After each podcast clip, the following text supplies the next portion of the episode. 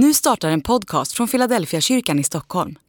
Om du vill komma i kontakt med oss, skriv gärna ett mejl till hejfiladelfiakyrkan.se.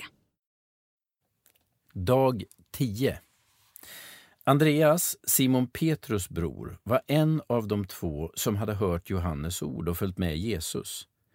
Han träffade först sin bror Simon och sa till honom Vi har funnit Messias, det betyder Kristus. Han tog med honom till Jesus.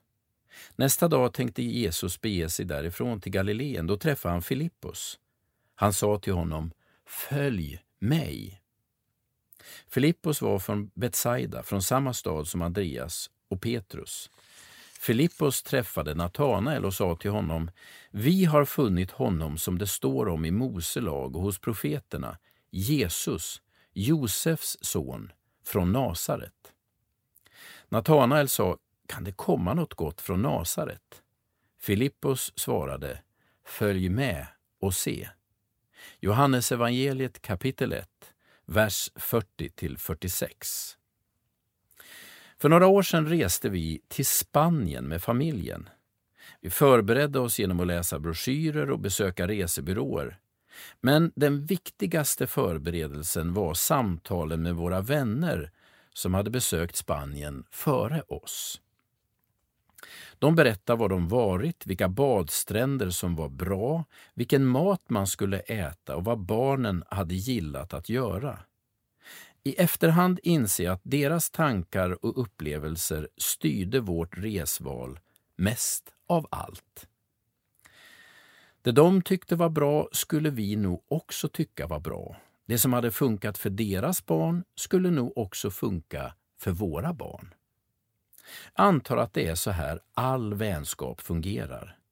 När jag har varit med om något positivt vill jag, vill jag gärna berätta det för mina vänner så att de kan göra samma upplevelse.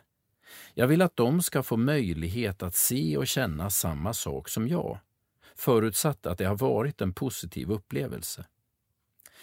Det är precis så här Johannes berättar om de första lärjungarna. De är goda vänner eller släktingar som delar med sig av en positiv upplevelse. Vi har funnit Messias, säger Andreas till sin bror Petrus. Det är det mest naturliga i världen att Andreas berättar för sin bror vad han just har varit med om och sen erbjuder honom att följa med och se. Det står att Andreas tog med Petrus till Jesus. Han börjar inte försvara Jesus eller argumentera för honom. Han berättade bara vad han själv hade upplevt och så erbjuder han Petrus att följa med och uppleva samma sak. Lite längre fram i berättelsen står det om Filippus som möter Natanael. Filippos berättar vad han upplevt.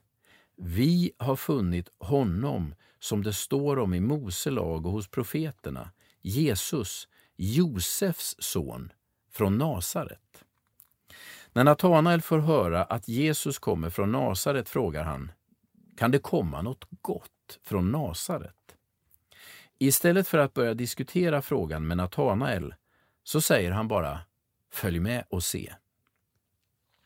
Andreas och Filippos berättar bara vad de själva varit med om. De tar inte upp en diskussion, de försöker inte försvara Jesus eller sälja in honom. De delar bara sin egen upplevelse. Det är så Petrus och Natanael kommer med. Det är likadant för oss som är lärjungar idag. Det handlar inte om att kunna svara på alla frågor. Vem kan göra det? Det handlar om att berätta om det vi själva har varit med om och inbjuda människor att själva ta reda på vad de tycker. Tycker du att det är svårt att svara på alla frågor om lidandets problem och Guds allmakt, om ondskans ursprung och skapelseberättelsen?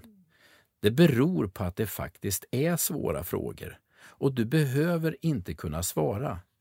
Sanningen är att väldigt få lärjungar till Jesus Sanningen är att väldigt få blir lärjungar till Jesus för att de får svar på alla sina frågor.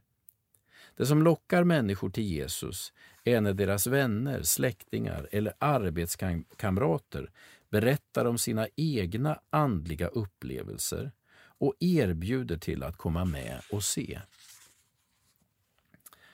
andlig övning. Hur ser din personliga berättelse om Jesus ut? Tänk efter och återberätta för dig själv vad din tro betyder för dig. Hur skulle du berätta det för andra?